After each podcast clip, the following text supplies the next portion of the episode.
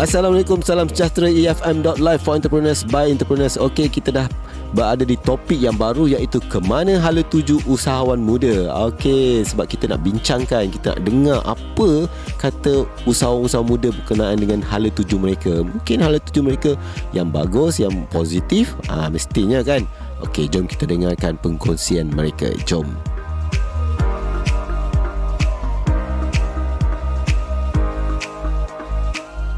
Seperti saya janjikan tadi saya ada seorang tetamu iaitu seorang usahawan muda saya nak memperkenalkan Raja Afiq Aizuddin bin Raja Kamaruddin daripada KNA Creatives. Apa khabar? Assalamualaikum. Waalaikumsalam. Khabar baik. How are you Rizal? Okay, baik. Wow. okay, itu sebenarnya pemilik suaranya. Dan beliau seorang anak muda. Nak panggil apa? Raja Afiq Aizuddin. Panggil Afiq je. Afiq. Okey, kita panggil dia Afiq. Okey, Afiq. Boleh Afiq ceritakan seberingkas berkenaan dengan latar belakang pendidikan Afiq? Afiq sebenarnya dulu ni belajar kat mana? Dah habis belajar ke? Atau tengah hmm. belajar ke? Dah habis belajar. Saya dah habis belajar. Uh-huh. Um, tak pernah pergi luar negara. Okey, di dalam Malaysia saja. Di dalam Malaysia saja. Uh-huh. Uh, belajar sekolah rendah dekat Kelana Jaya. Mm-hmm. Sekolah rendah kat Kelana Jaya, sekolah menengah di Taman C. Mm-hmm. Uh, lepas tu form 3 mm-hmm. saya pindah ke Subang Jaya. Subang Jaya. Okey, saya tahu. Ah. Ni dah buat background check. yes. okay. Ah, ke Subang Jaya. Alright. Cuma tapi saya masih duduk kat Kelana Jaya. Duduk di Kelana Jaya. Sebenarnya jaya lah. Ah, ah yang ah, penting sebab, ujung sebab, dia ah, mesti jaya. Sebab saya memang datang daripada keluarga yang mengajar saya benda paling penting ialah percaya you akan berjaya. Yes. So kita duduk kat Kelana Jaya, mm-hmm. belajar kat Subang, Subang Jaya. Jaya.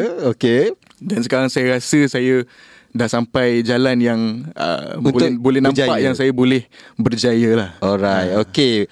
Uh, lepas habis SPM apa semua belajar di mana lepas tu? Ambil kursus apa sebenarnya Afiq? Hmm. Uh, saya belajar di Taylor's Taylor's Lakeside University. Mm-hmm.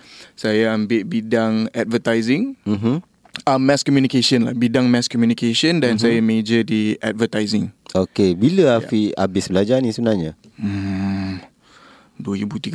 2013. 2013. Lama juga eh. Mm-hmm. Ha, Dari, daripada 2000 2011 uh-huh. masuk uh-huh. keluar 2013. Okay. Hmm. Dan dah lebih kurang 5 tahun jugalah kan? Okay, KNA Creative ni, apa hmm. sebenarnya hmm. KNA Creative ni? KNA Creatives hmm. um, kalau nak kalau pendek cerita dia. Mhm. KNA Creatives hmm, pendek ialah, kan uh, ialah sebuah uh, company sebuah syarikat yang uh-huh. fokus dia adalah untuk memberi sokongan marketing kepada uh-huh. um, kepada company-company uh-huh. uh, syarikat-syarikat di luar sana yang memerlukannya uh-huh.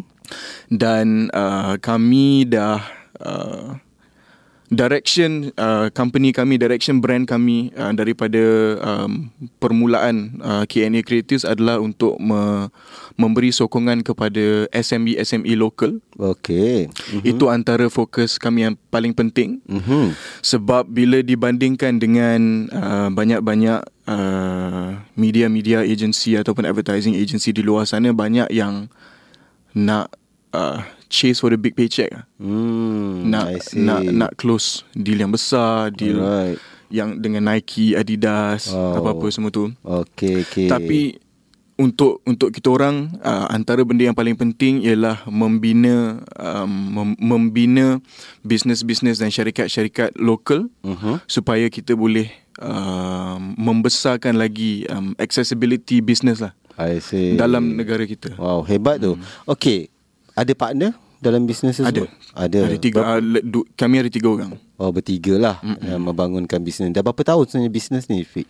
KNA Creatives dah nak masuk, eh, dah empat tahun nak masuk lima tahun. Wow, dah kira mm. dah sustain lah eh. Dah satu level Boleh yang lah. di atas lagi. Alright, okay. Afiq. Hmm, yep. Sebenarnya, Afiq dah uh, apa ni sebagai seorang usahawan muda. Umur Hafiz sekarang berapa? 24 tahun. Baru masuk 24 tahun baru Disember masuk. 3. Wah, Disember 3. Baru hari itulah. Hmm. Okay, alright. Hmm, okay, saya tengok ada kawan saya pun tarikh yang sama. 3 bulan Disember juga. Hmm. Office ni juga. Staff EFM juga. ah, 3 bulan uh, 12. Alright. Okay, Afiq. Um, sebagai usahawan muda, pastinya Afiq uh, sudah merangka perancangan dalam bisnes Afiq kan. Hmm untuk jangka panjang, ke manakah Afiq uh, planning untuk uh, bisnes KNA ni hmm. untuk mungkin uh, 5 tahun 10 tahun akan datang adakah ia hanya akan tertumpu di peringkat uh, lokal saja ke hmm. atau Afiq ada mempunyai perancangan untuk lebih luas lagi? Untuk kita orang um, the the bigger the bigger picture orang cakap the bigger mm-hmm. picture untuk KNA Creatives uh, ialah education.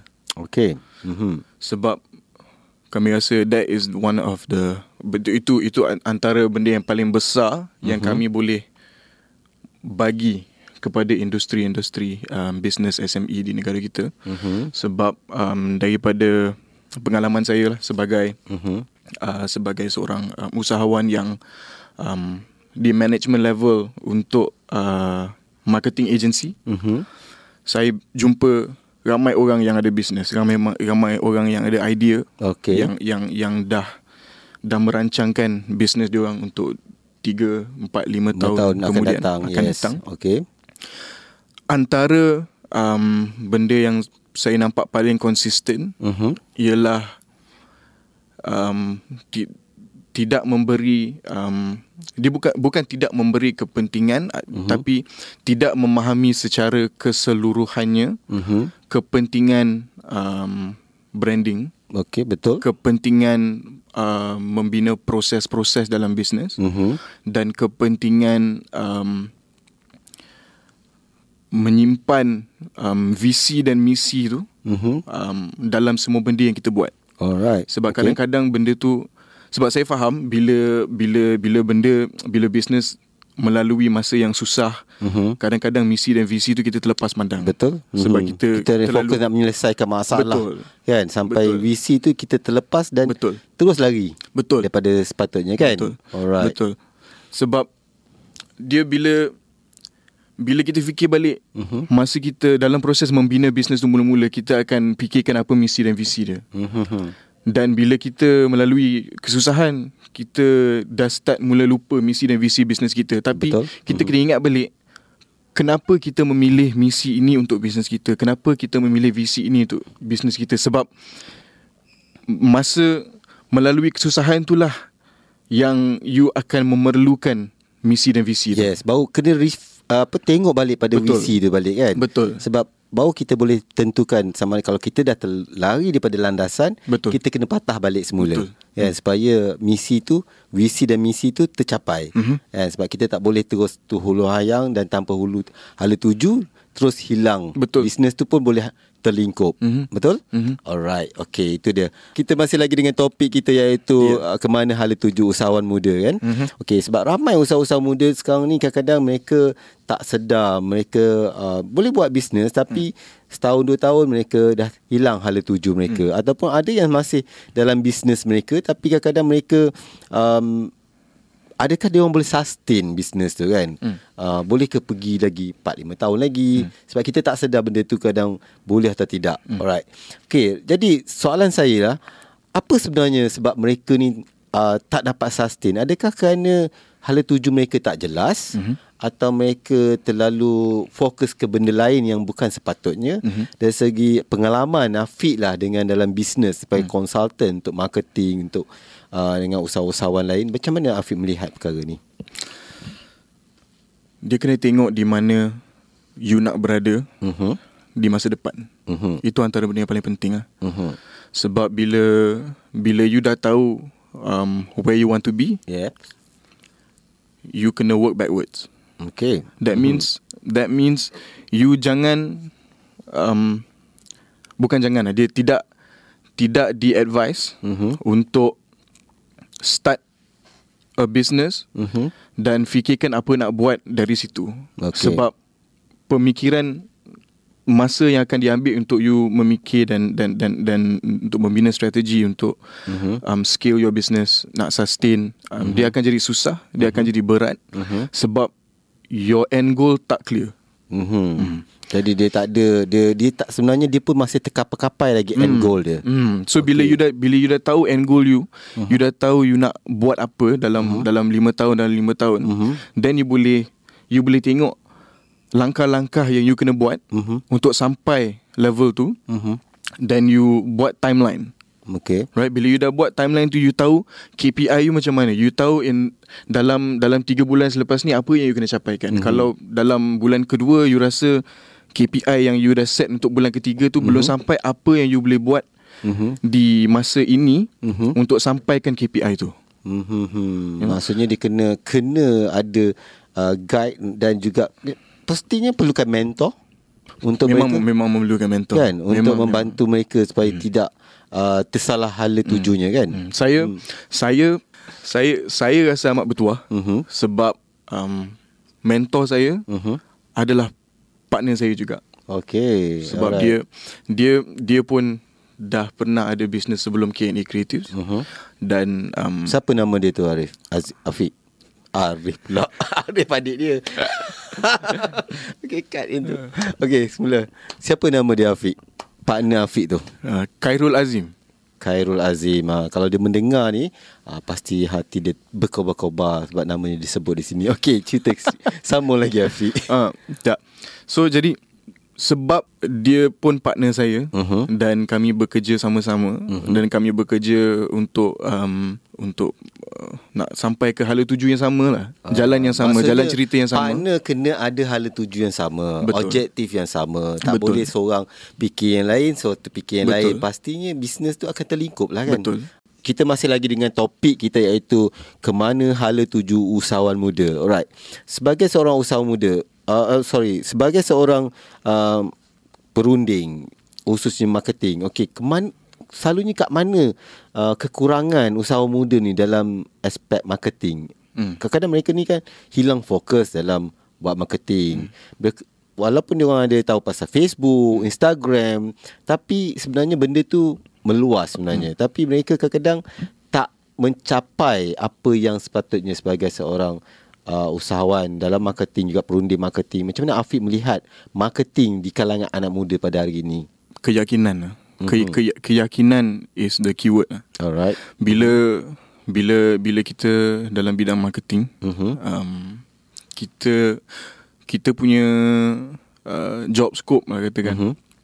Kita punya job scope adalah untuk expand awareness untuk brand lain, untuk company lain. Mhm. Dan antara dilema dilema yang yang yang yang saya hadapi lah daripada pengalaman saya mm-hmm. ialah untuk ikut ni okay ni technical sikit Aha. untuk ikut template marketing yang dah ada Mhm. ataupun untuk um, ataupun nak buat um, strategi yang Baru. baru yang hmm. memang lain Kan?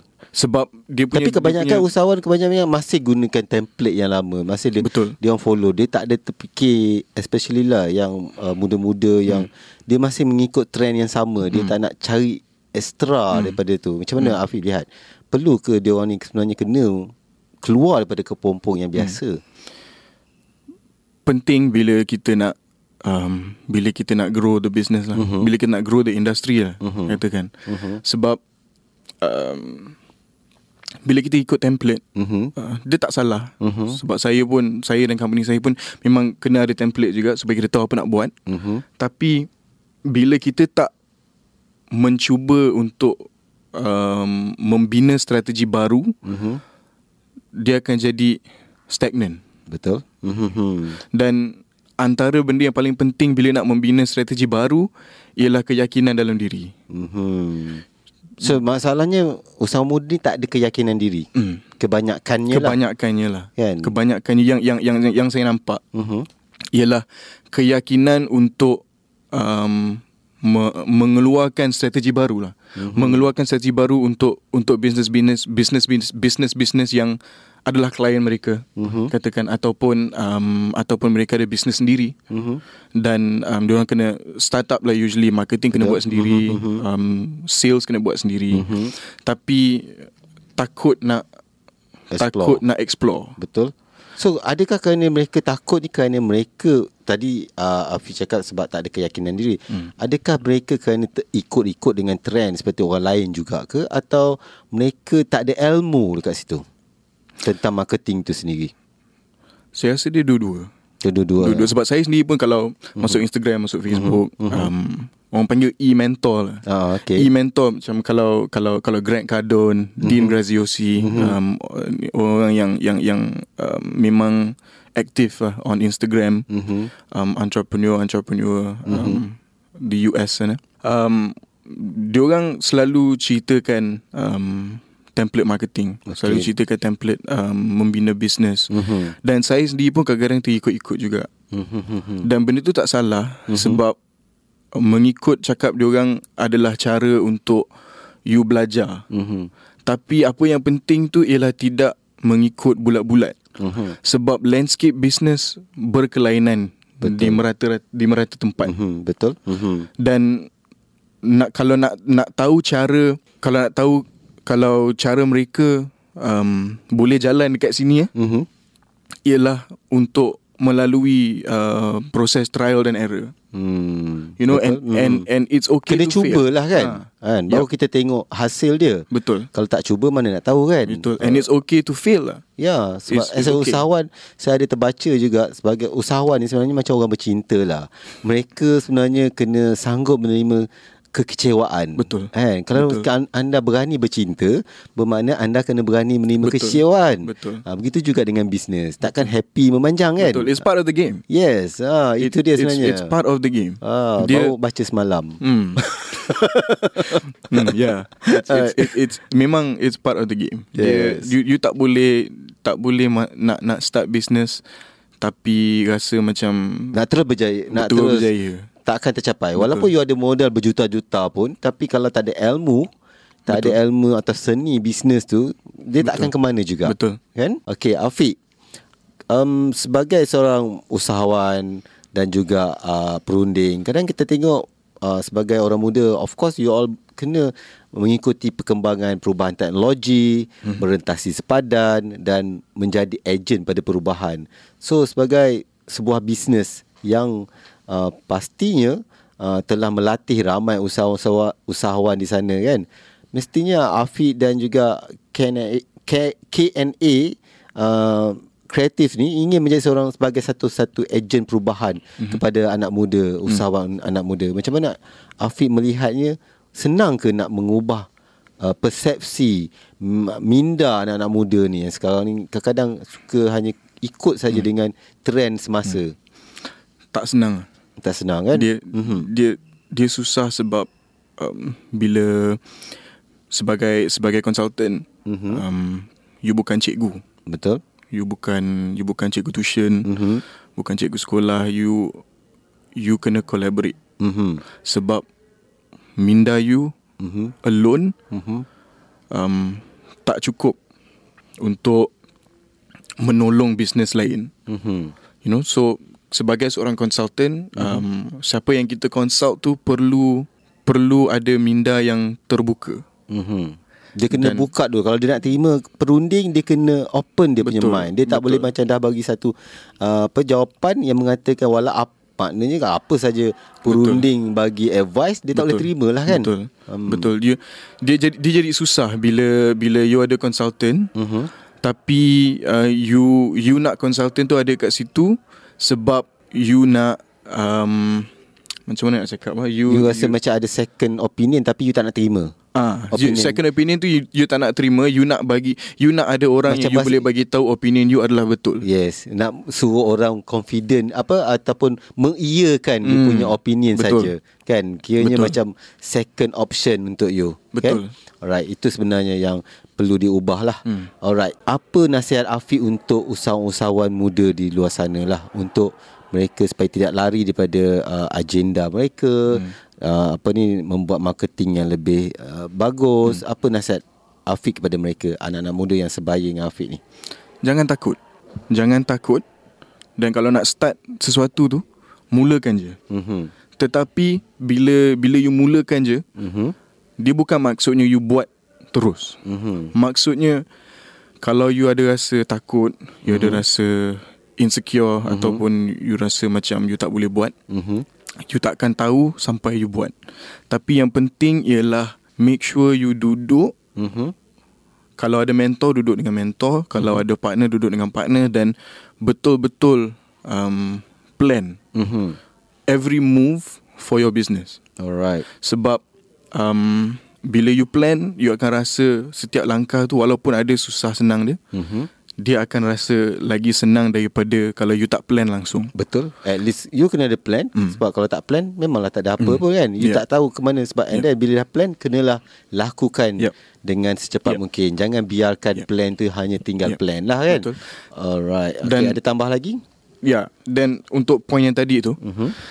saya nak cakap pasal pengalaman saya. Mhm. Saya bila masa saya masa saya start, masa saya mula saya bukan Mhm. bukan um, orang yang confident. Alright. Saya pun ada ada insecurity saya sendiri, Betul. ada Mhm. ada um, rasa takut Mhm. dan antara um, antara masalah-masalah yang saya hadapi Mhm. masa tu Mhm. adalah um, takut akan perasaan takut. Takut akan perasaan takut. Ya. So b- macam you nak you nak Maksudnya sebenarnya musuh tu adalah diri sendiri lah betul kan? betul sebab you nak you nak you nak you nak mulakan bisnes Mhm. dan you tahu ataupun you rasa you tak pernah buat tapi you, you tahu or you pernah dengar orang cakap bila nak buka bisnes ni dia scary Mhm. sebab banyak benda yang yang yang yang you akan hadapi, banyak cabaran yang you akan hadapi. Tapi bila bila you takut dengan uh, perasaan takut akan cabaran-cabaran yang akan datang, Mhm. memang Itu apa-apa sebenarnya. pun takkan terjadi. Betul? Sebab you tak nak move. Tak nak move tak nak kan? move betul Kan? sebab Because you you takkan takut. you takkan ambil langkah tu lah. Betul? Hmm. Betul. Saya pernah hadapi bendanya juga. Hmm. Sebab saya rasa bukan kita je, semua orang rasa ada perasaan yang sama. Hmm. Uh, sebab takut untuk bergerak Betul. sebab takut benda tu akan menjadi Takut. Takut, Ha, benda kan? tu akan jadi menakutkan. menakutkan. Ha. Uh, sebenarnya bila kita dah mula uh, dah gerak sendiri, kemudian bila dah dapat momentumnya, Hmm. dianya akan bergerak dengan senang. Betul, Kan? Itu betul. sebenarnya kita kena mulakan, jangan tak mula langsung. Betul. Kan? Bagi peluang untuk kita memulakannya. Itu yang sepet- sepatutnya. Alright. Okey, mungkin ada pendengar-pendengar ataupun usahawan-usahawan yang sedang mendengar nak dapatkan hikmat daripada uh, Afiq sendiri sebagai perunding. Uh, Bagaimana mereka nak hubungi Facebook ke Instagram ke? Hmm.